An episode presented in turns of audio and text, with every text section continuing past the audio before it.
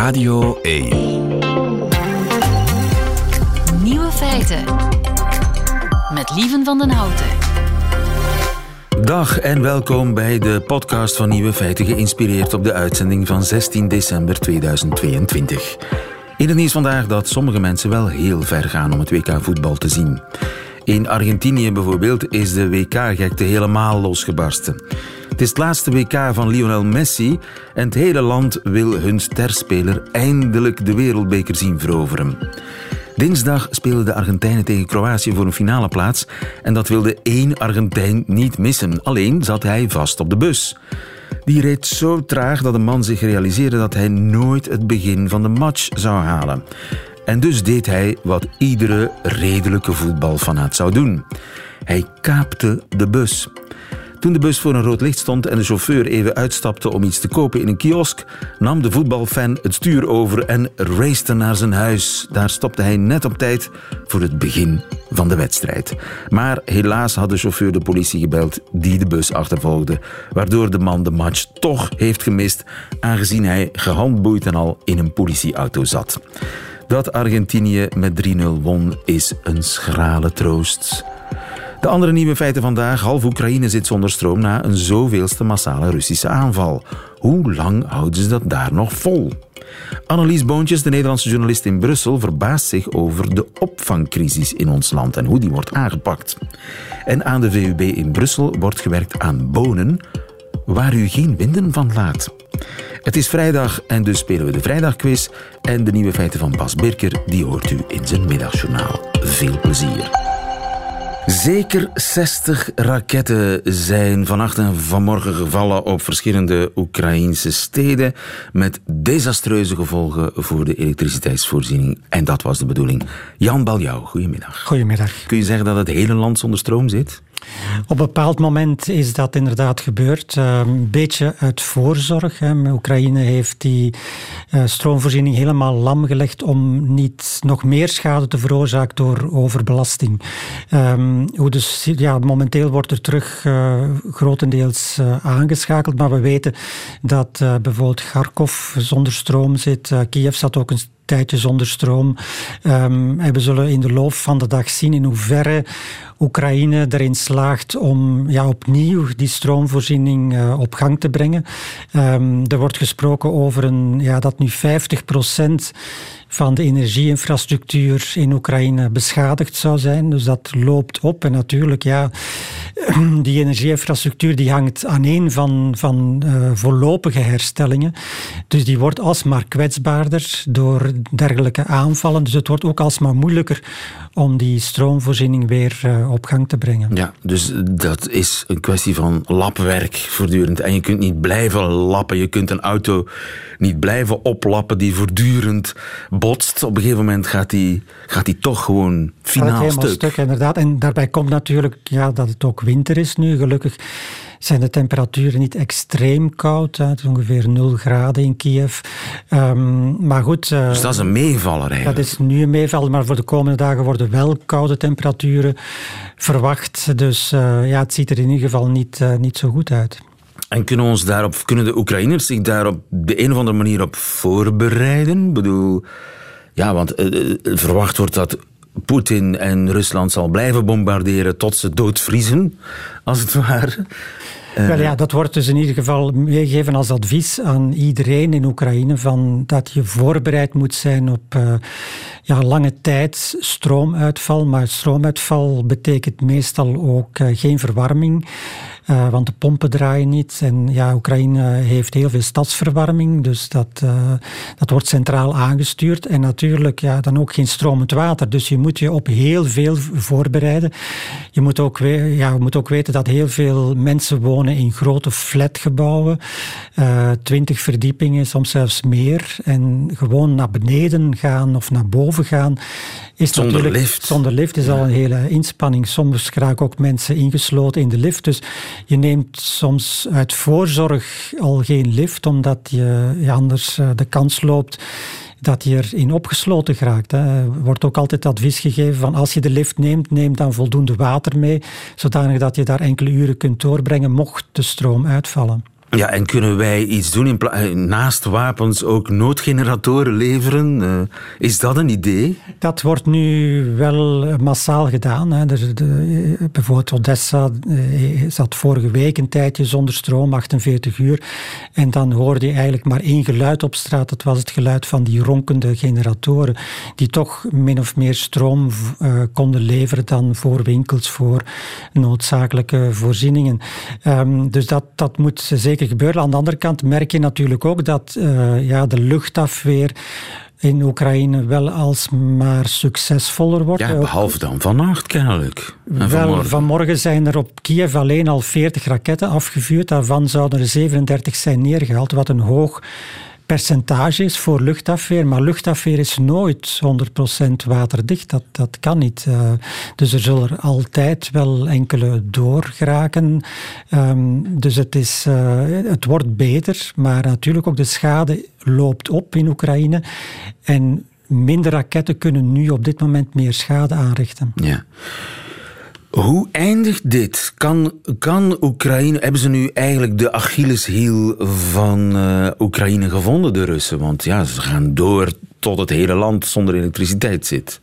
Ja, op dit moment, uh, de bedoeling is natuurlijk om, om de vastberadenheid van de Oekraïners te ondermijnen, om, om de steun in Oekraïne voor het voortzetten van de oorlog te ondermijnen. En iedereen zegt dat lukt niet, het dat lukt niet, nee. Als je de peilingen ook bekijkt uh, van, de van, van bijvoorbeeld november, hè, toen het volop bezig was, dan zie je dat uh, ja, de, het, het, aantal Oekraïners dat uh, de oorlog wil voortzetten tot Rusland verdreven is uit Oekraïne, ja, dat ligt boven de 85 procent. Als je zegt tot voor de situatie voor 24 februari zitten zelfs aan percentages boven de 90 procent. Dus bijna alle Oekraïners willen dat de oorlog uh, ja. voortgezet. En dat percentage stijgt zelfs sinds de aanvallen van Rusland zijn begonnen. Dus natuurlijk, de, de het is natuurlijk ook heel wraakroepend hè, dat je oma's wil laten doodvriezen als militaire voilà, strategie. Het is natuurlijk, uh, het is not done. Het mag ook niet. Het is, een, het is een oorlogsmisdaad. Je mag geen burgerdoelen bewust treffen, tenzij die ook een militaire,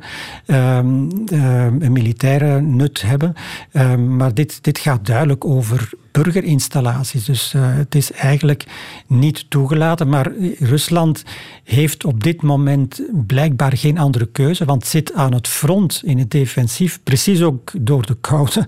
Ja. want de koude is een vijand in Oekraïne. Um, voor de bevolking, maar is wel op dit moment een bondgenoot voor de Oekraïnse militairen, omdat ja, zij toch nog altijd het momentum hebben, um, terwijl Rusland meer in defensieve posities zit. Maar het toont ook aan natuurlijk dat Rusland niet uitgeteld is. Um, het heeft nog altijd heel veel achter de hand om die energieinfrastructuur te blijven aanvallen. En het is ook niet uitgesloten dat Rusland momenteel ja, toch aan het werk is om een nieuw offensief op te starten in. Uh, op de grond? Op de grond. Eh, de Oekraïnse opperbevelhebber sprak uh, over februari dat hij een nieuw offensief verwacht, zelfs een nieuw offensief tegen Kiev. Ja. Uh, maar hij zei van ja, in het slechtste geval begint het in januari. het is zo dat de Russen hebben ja, heel veel mannen gemobiliseerd. Die worden momenteel opgeleid. En die zouden vanaf januari, februari uh, ingezet kunnen worden aan, aan de frontlijn. Ja, en als dan de elektriciteitsvoorzieningen nog zwakker blijkt te zijn, dan ja, er op een gegeven moment komt, en we zijn natuurlijk half december, vandaag 16 december, tel daar nog eens twee maanden in de kou bij, twee maanden aanvallen op uh, elektriciteitsvoorzieningen. Ja, die, die, het moreel van de bevolking zal misschien tegen dan ook al gebroken zijn? Of, of stel ik mij dat te negatief voor? Daar maakte de opperbevelhebber van het Oekraïnse leger zich ook zorgen over in het eh, interview dat hij gegeven heeft aan The Economist. Als, als ja, je familieleden bij wijze van spreken doodvriezen, dan kun je moeilijk vragen aan soldaten aan het front van met volle overgave een, eh, een offensief te beginnen. Dus het, het speelt zeker. De winter moet eigenlijk nog beginnen. De koudste maand in Oekraïne is januari. Dus we zullen zien hoe het, uh, hoe het evolueert. Maar op dit moment kun je niet zeggen dat het uh, moreel van de Oekraïnse bevolking daardoor ondermijnd wordt. Integendeel, de vastberadenheid neemt nog toe. Ja. En de Russen, de gewone Russen, weten die dat? Dat hun bazen, hun politieke leiders daarmee bezig zijn met ja, oudjes laten doodvriezen? Zeg ik nogmaals. Ik denk het niet. Uh, Zij weten dat gewoon niet. Dat wordt niet juichend oh, in al die tv-programma's gezegd. er zijn, we hebben weer de elektriciteit. Ze zitten zonder elektriciteit. Laat ze maar doodvriezen. ja, ik denk in, in de mate dat het toch wordt getoond op de Russische propagandakanalen, staatstelevisie en dergelijke, uh, zal men vooral, denk ik, de nadruk leggen dat het toch uh, vooral militair belangrijk is om, om dit te doen. Uh, Poetin zegt ook altijd van ja, we waren er niet aan begonnen als Oekraïners niet de brug op, naar de Krim hadden, hadden bestookt met, met, met, die, met die vrachtwagen die ontploft is. Dus daar wordt altijd een link gelegd met het is een reactie op wat Oekraïne doet. Dus in die zin denk ik is die propaganda zeer krachtig voor het grootste deel van de Russische bevolking die toch nog altijd meer deel van zijn informatie krijgt via televisie. En in die propaganda wordt ook vooral nadruk gelegd op uh, beschietingen van... Uh, het door, militaire. Door Russisch gecontroleerd gebied, hè, Donetsk, Lugansk, uh, waar inderdaad ook Oekraïne nu de afgelopen uren, dagen, zwaardere beschietingen heeft op uitgevoerd. Er zijn ook doden gevallen. En ja, dus men ziet het altijd van, we moeten wel reageren. En dit is wat we momenteel, dit is het beste wat we momenteel kunnen doen. Ja, de gruwel gaat door en eh, de winning mood van de Oekraïners is nog altijd groot. Maar de vraag is hoe lang dat nog uh, zal duren. Dankjewel Jan Baljouw. Nieuwe feiten. De ontdekking van België. Meer bepaald door Annelies Bontjes, de vrouw van trouw in Brussel, de Brussel-correspondent van het Nederlandse Dagblad. Goedemiddag Annelies. Jij uh, volgt voor ons de... Ja, je microfoon gaat zo open. Ja, Sta, oké. Dag Annelies. Hi, goedemiddag. Jij ontdekt ons land met stijgende verbazing nu al meer dan een half jaar. Wat is jou deze week opgevallen? Nou, deze week is mij iets opgevallen wat mij al langer opvalt en waar ik me over blijf verbazen. Namelijk ja, hoe België omgaat met de meest kwetsbare mensen. Uh, met asielzoekers. Dat is uh, deze week vooral weer veel in het nieuws geweest. Is dat uh, zo anders dan in Nederland? Ja, in Nederland hebben wij natuurlijk ook problemen met opvang. Ook een opvangcrisis.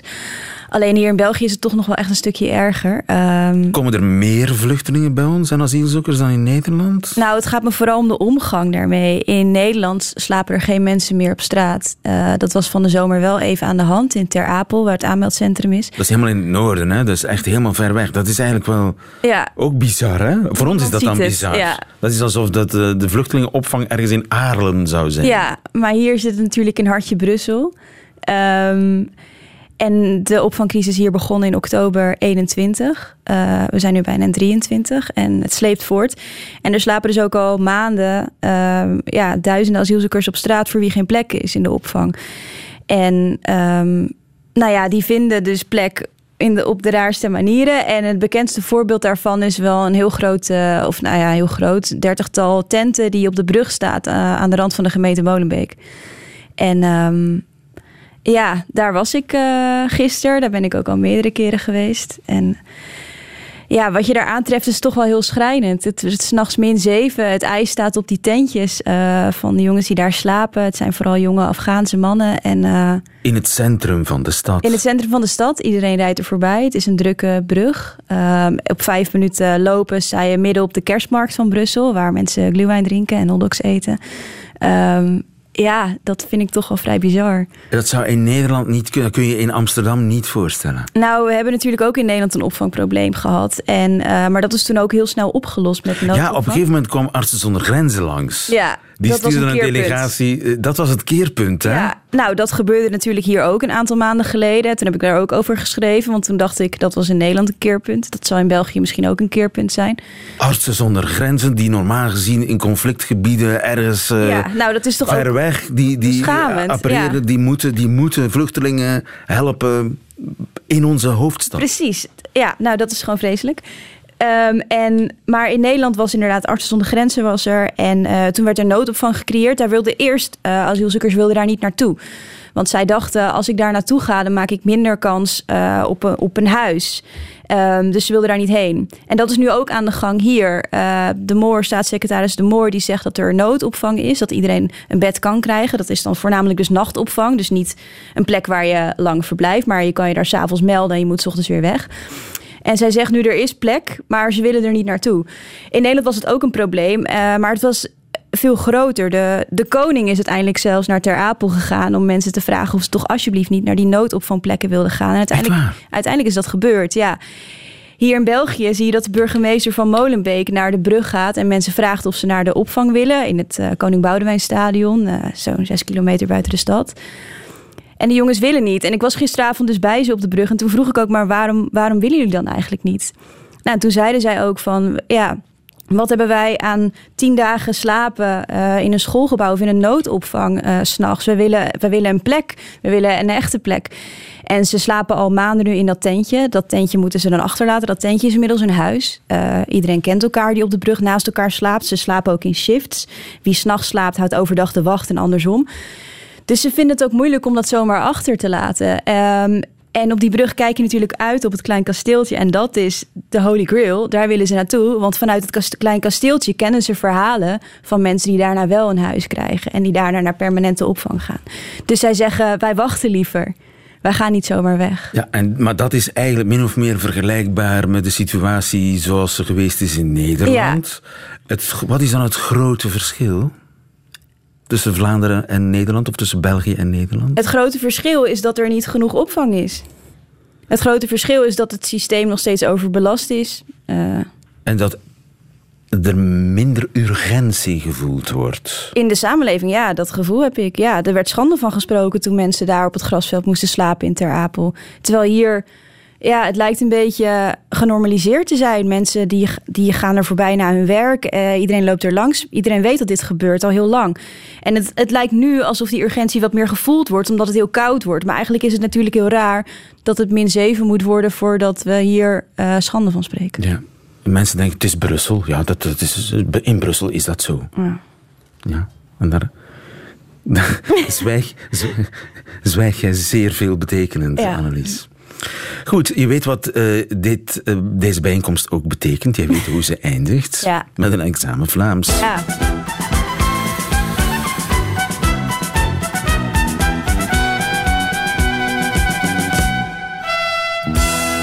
Examen Vlaams. Wat is een bus? Een bus. Een bus. Bus. Um, Um, ja. is het iets om uh, in te slapen? Het is iets om op te eten. Iets om op te eten. Een um, bus. Ik heb echt geen idee. Een, uh, een koekje. Ja, nee, het is geen koekje. Uh, een kerstbus. Kerstbrood is dat? Ja, nee, nee. Een, kerst, een kerstbrood is het niet. Nee. Het is een kerststronk. Kennen jullie een kerststronk? Nee, wat is dat? Een kerststam. Het is een, een een taart die eruit ziet als een houtblok. Wat? Ja, vandaar kerststronk. Een taart die eruit ziet als een houtblok? Okay. Ja, dat is een bus, een kerstbus. Oké. Okay. Dat wordt ook in Frankrijk gegeten. Dat is gebak. Oké. Okay. Met, met, het kan soms ook een ijstaart zijn. In de, ah ja, met slagroom. Je eet het met kerst. Oké. Een nou, kerstbus. nog nooit van gehoord. Zo eindigt elk in elk Vlaams katholiek, of, of niet-katholiek huisgezin de kerstmaaltijd met een bus. Ja, nee, ik hoop dat ik het een keer mee mag maken. Ja. Lijkt me fantastisch. Wat is een canapé? Een bank. Juist! Yes. Wauw! Een sofa, een bank. Want, ja. want een canapé in Nederland is een, ja, zo'n broodje eigenlijk, hè, waar je van alles op legt. Zo'n aperitiefhapje.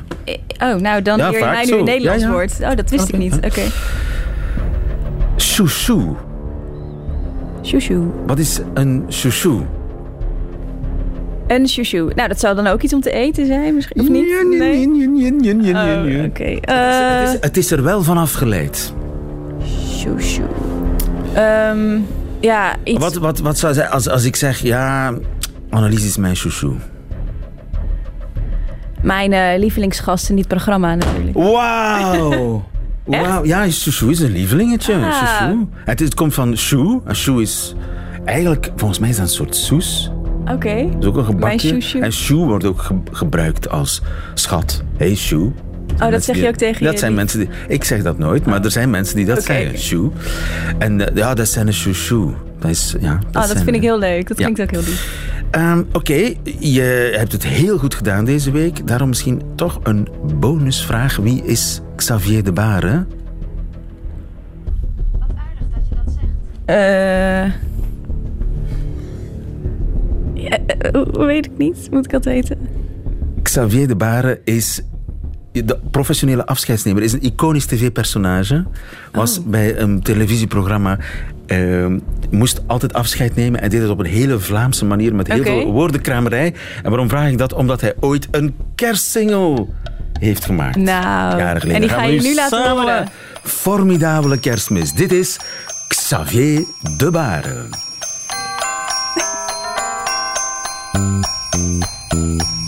Dank u vriendelijk formidabel. Met kerstmis zijn we regeren wij. Iedereen is zo aimabel. De Peterkinderen zijn heel blij. Door de speakers klinken muziekjes die brengen mij in lichte trance. Men koopt alom cadeaugeriefjes of men vangt aan met een nieuwe romance. Waar is de tijd, hè? Xavier de Baar? Een beetje Vlaams cultureel erfgoed bijbrengen aan onze Annelies Boontjes. Formidabele kerstmis. Zometeen overigens spelen we de vrijdagquiz. Ik zoek nog twee kandidaten. Dus waag uw kans. Wilt u een boekenbon van 25 euro winnen? Stuur uw naam en telefoonnummer en het woordje quiz via de Radio 1-app. En wie weet spelen wij zometeen samen de vrijdagquiz. Dat zou gewoon zomaar kunnen. Nieuwe feiten.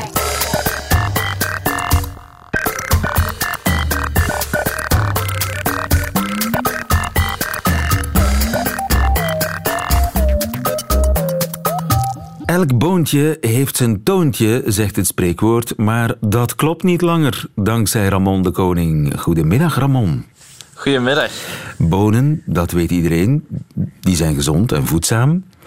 Maar, dat weet ook iedereen, hebben een nadeel. Vandaar het spreekwoord elk boontje heeft zijn toontje. Jij hebt de oplossing, Ramon. Vertel. Ah, wel, ja, in, eh, in mijn labo heb ik hier eh, bonen ontwikkeld, waardoor dat je geen scheetjes meer moet laten. Oké, en jouw labo dat is eh, op de VUB, hè? want dat had ik nog niet verteld. Je bent bio-ingenieur bij de VUB. En jij experimenteert met scheetvrije bonen. Mag ik dat zo zeggen? Ja, inderdaad. Dat klinkt heel ludiek, eh, maar het heeft wel degelijk maatschappelijk nut. Eh, in die zin zijn er eh, ongeveer 300 miljoen mensen die dagelijks bonen eten. Dat is dan vooral in Oost-Afrika en Zuid-Amerika, maar ook hier eten we ook al regelmatig chili con carne en zo. ja. En hoe kwam je op het idee om daar een oplossing voor te zoeken? Initieel wouden we eigenlijk een eh, methode ontwikkelen, zodat we eigenlijk bonenplanten op een redelijk makkelijke manier kunnen verbeteren. En eh, wij maken daarvan gebruik van een nieuwe techniek, die noemt CRISPR. En daar kunnen wij heel gericht eigenlijk eh, bepaalde eigenschappen van bonenplanten veranderen. Maar die techniek moet geoptimaliseerd worden voor elke, bonen, allez, voor elke plant. En dus ik heb me gericht op eh boontjes. En ik heb dan deze case study gekozen, omdat dat een redelijk, allez, enerzijds nuttig en anderzijds eh, tot de verbeelding speelt eh, onderwerp is. Ja. En CRISPR-Cas, dat is eh, waarbij je knipt in het DNA van stamcellen, hè? Ja. Dus je kunt het eigenlijk een beetje zien als een soort van moleculair schaartje. Dat is eigenlijk een proteïne die een bepaalde breuk aanbrengt in je DNA en je plant kan dan herstellen. Maar daar kunnen soms eh, veranderingen teweeg eh, komen, waardoor dat de eigenschappen veranderen. Ja. En dus je richt je pijlen of je schaar, moet ik in dit geval zeggen, je virtuele schaar, want het is natuurlijk geen echte schaar, op ja, dat ding in het DNA dat eh, maakt dat ik scheten laat van bonen. En wat is dat ding? Ja, dus dat is eigenlijk een puzzelstukje dat eh, een bepaalde suiker produceert. En die suiker kunnen wij mensen niet eh, verteren, maar wat er, wat er wel gebeurt is dat er bacteriën zijn in onze dikke darm. En eh, die kunnen die omzetten in gassen. En ja, dat veroorzaakt scheetjes natuurlijk. Ja, dus het zijn eigenlijk die bacteriën die scheten laten, hè? niet ik. Hè? Technisch gezien inderdaad, ja. Het, zijn die bacteriën, het zijn eigenlijk die bacteriën die boeren laten in mijn darmen. En dat is eigenlijk het gas. Ja.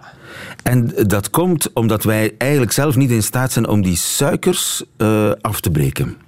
Ja, dat zijn specifieke suikers waar dat er bepaalde verbindingen zijn in die moleculen die, waarvoor wij eigenlijk geen enzymen hebben. Dat zijn ja, ook een soort van uh, machientjes die dan die suikers zouden moeten afbreken in bruikbare stoffen voor ons. Uh, ja. Maar dat gebeurt in dit geval dus niet.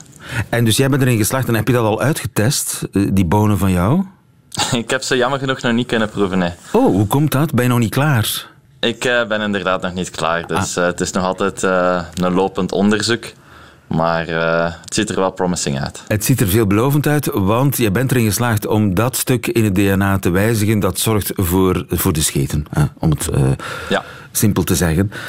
maar dat betekent wel dat ik die suikers dan wel afbreek. Ehm dus ja, het, het, ding is eigenlijk zo dat uh, die bonenplant produceert die suikers die we niet kunnen verteren niet meer. Maar dat zorgt er wel voor dat er bepaalde suikers aanwezig zijn of uh, die wij dan weer wel kunnen ver, uh, opnemen. Dus ja. met andere woorden, de nutritionele waarde stijgt wel. Ja, meer suikers, meer koolhydraten. Sommige mensen vinden dat slecht nieuws natuurlijk. Hè? ja, het is maar hoe dat je het ziet. Hè. Ja, in andere landen denken ze er anders over. Maar ja, dat dus bijkomst. Je, je, verandert dan wel de voedingswaarde van de boon. Je verhoogt ze eigenlijk. Door, door, je verhoogt het, het aandeel suikers in de bonen. Maar ze zouden in theorie, dat is nog niet in de praktijk uitgetest, uh, minder wind maken in de darmen. Uh, het is nog niet rond. Wanneer, wanneer ben je klaar, denk je? Uh, ik hoop binnen een jaar uh, een bonenplant te hebben. En dan gaan we proeven, hè, Ramon? Wel, uh, technisch gezien moeten we dat dan nog allemaal testen of uh, uitvoeren en zo, of het veilig is. En uh, dan moeten we dat nog beginnen kweken en zo, dus dat duurt nog veel langer. En er zijn ook wel problematieken binnen Europa, omdat deze nieuwe techniek is een beetje in een grijze zone. En is het genetische manipulatie of niet? Bedoel je dat? Ja, dat is, ja, inderdaad. En daar zijn ze nu wel over aan het discussiëren. maar goed, ja, dat zorgt er wel voor dat zelfs als ik deze plan nu kan krijgen, dat we die eh, voorlopig nog niet kunnen groeien op uh, Europese bodem. Ja. Maar goed, uh, puur wetenschappelijk is het uh, al heel interessant. En uh, ik ben heel nieuwsgierig over het ook daadwerkelijk de flatulentie, de bonenflatulentie, stopt. Ramon de Koning, dankjewel. Hans op de hoogte.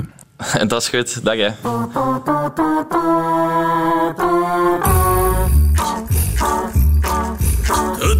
Les personnes sont nées avec un talent, mais il y en a quelques-unes avec plus de chance. Dieu leur donne la magie et le charme, et le monde tombe à leurs pieds. Le phénomène, il fait fra fra, il fait frou frou, c'est incroyable, oui, c'est fantastique. magnifique.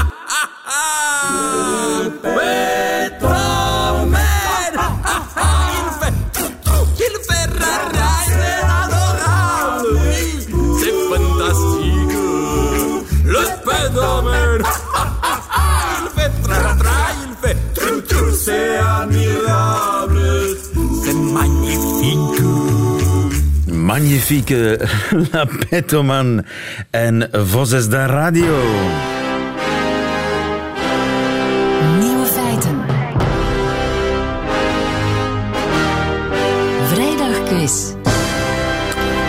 Zonder meer het spannendste moment van de week. We spelen voor een boekenbon voor, uh, van 25 euro te verzilveren bij Confituur. Een boekhandelaar aangesloten bij Confituur. We spelen met Matthias. Goedemiddag, Matthias. Goedemiddag. Matthias, wat was je aan het doen? Nadenken, zo te uh, horen? Uh, ja, naar huis aan het rijden. Naar huis aan het rijden? Oké. Okay. Van je werk naar huis, boterhammetje eten? Uh, nee, uh, van, uh, ik, ik heb vrij. Ik ben mijn zoon gaan halen die zijn examen heeft gedaan. Ach. En was hij blij met zijn examen? Ik denk het wel. Hij zei toch dat hij het kon. Aha. Dus, Je speelt tegen Carolien Bonen. Zien of jouw examen tegen Carolien goed gaat lukken. Dag Carolien. Dag lieve. Is jou al iets opgevallen vandaag? Wat blief? Laat maar. Carolien, eh, we hebben een beetje tijd nodig. Dus ik, ga, ik neem aan dat alles goed gaat met jou, Carolien. Ja, prima, prima, dank u. Ik ga jullie kennis testen eh, van vier nieuwe feiten. Ik begin bij Matthias, die zich het eerst heeft gemeld. Zolang hij juist antwoordt, blijft hij aan de beurt bij een fout antwoord. Gaat de beurt naar Carolien. En wie het laatste nieuwe feiten goed wint, die wint deze quiz. Eerste vraag. Ik eh, ben bij Matthias. Matthias, wat is dit geluid?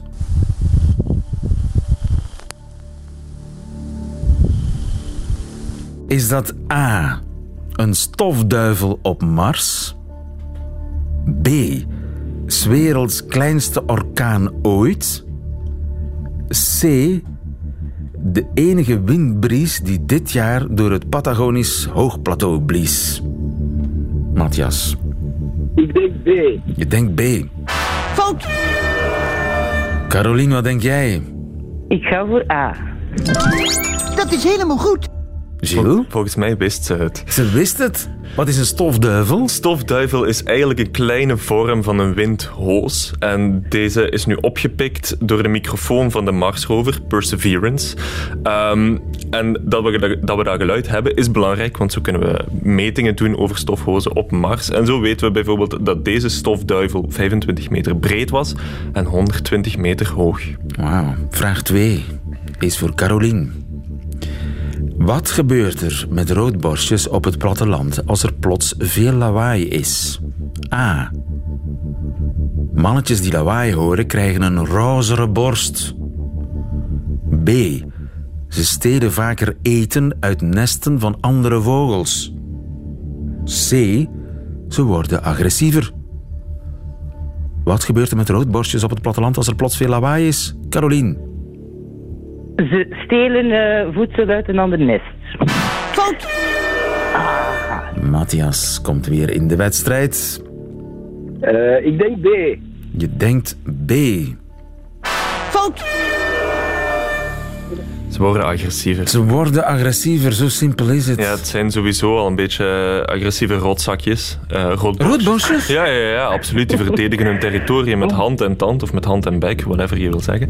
Um, maar Britse en Turkse onderzoekers hebben nu ontdekt dat wanneer je een plattelandsroodborstje neemt en je die blootstelt aan veel lawaai, dat ze agressiever worden, want ze kunnen hun waarschuwingszangen niet meer uh, hoorbaar maken aan hun Hoe tegenstanders. zou je zelf zijn? Waardoor ze direct beginnen te, te vechten. Carolien, over welk Ja. gevaar maken de Japanse chauffeurs zich in deze tijd van het jaar zorgen? A.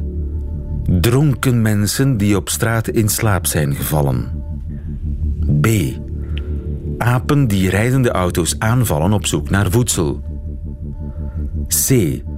Skiers die per ongeluk op de openbare weg terechtkomen. Wat is een groot gevaar op de weg? In Japan, Ik denk rond A. deze tijd. Je denkt A. Ja. Dat is helemaal goed. Zatte pullen. Die in straat, op Ja. straat in, eh, in Japan zijn er dan zoveel zatte pullen. In 2020 waren er 7000. Zeven- 7000? 7000 mensen die eh, dronken op straat in slaap waren gevallen. Het is vandaag, eh, deze periode, de tijd van de bonenkai. De bonenkai. Ja, de traditionele eindejaarsdrink eh, in Japan op het werk. En dat gaat vaak gepaard met heel veel alcohol, waardoor dat die mensen dronken op slaap, in slaap Want je, vallen. je moet. Je moet meedrinken met de baas. Dus whatever de baas drinkt, moet jij ook drinken. Japan. Japan. Carolien, nog steeds aan de beurt. Vraag 4. Slotvraag.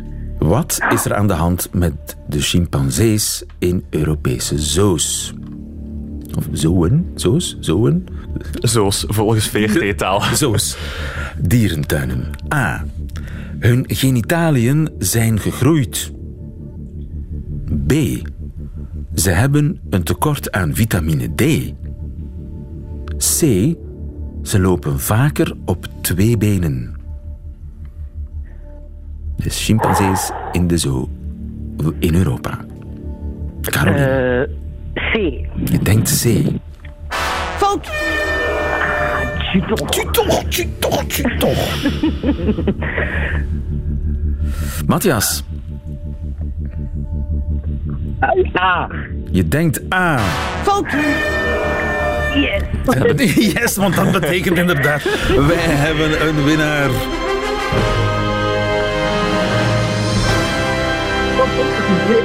Caroline, Caroline, het was op het nippertje, want ze hebben vitamine D tekort, Gilles. Dat blijkt uit eh, de analyses van chimpansees uit 32 Europese zoos.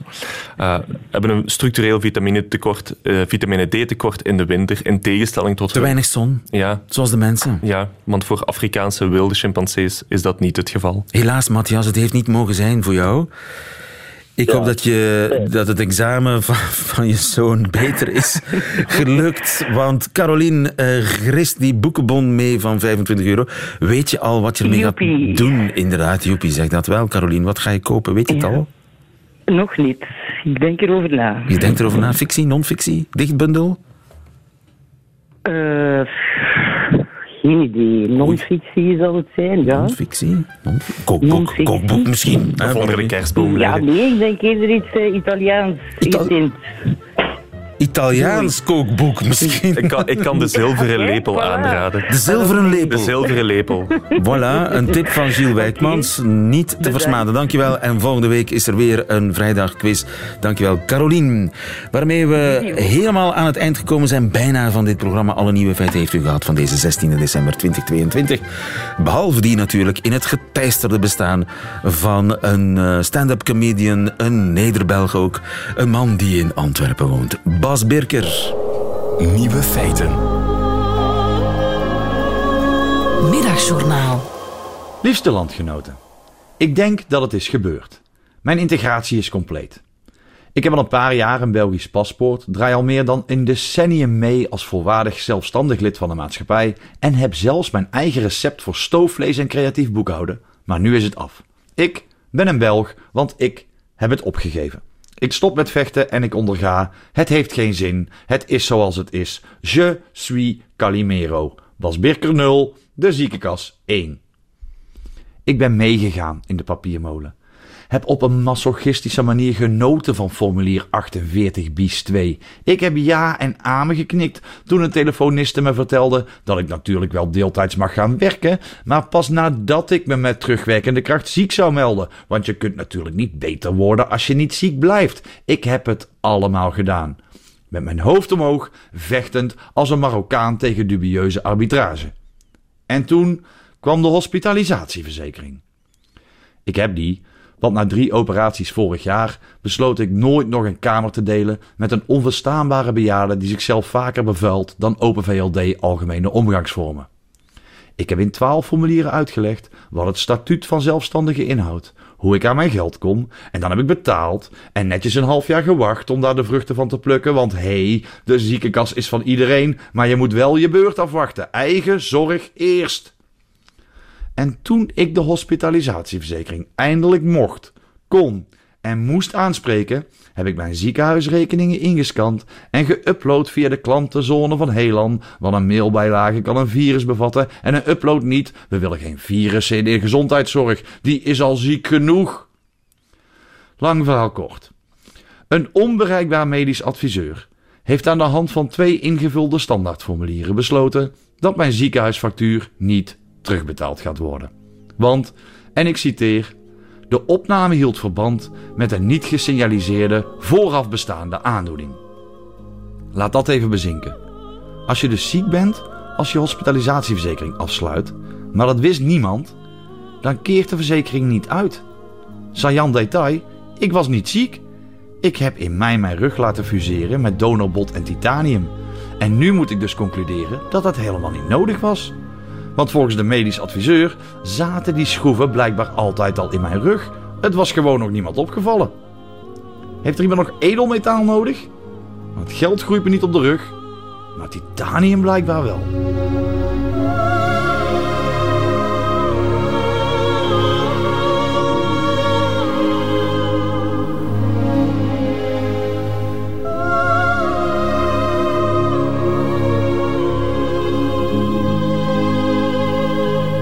Middagjournaal met Bas Birker. Einde van deze podcast. Hoort u liever de volledige nieuwe feiten met de muziek erbij.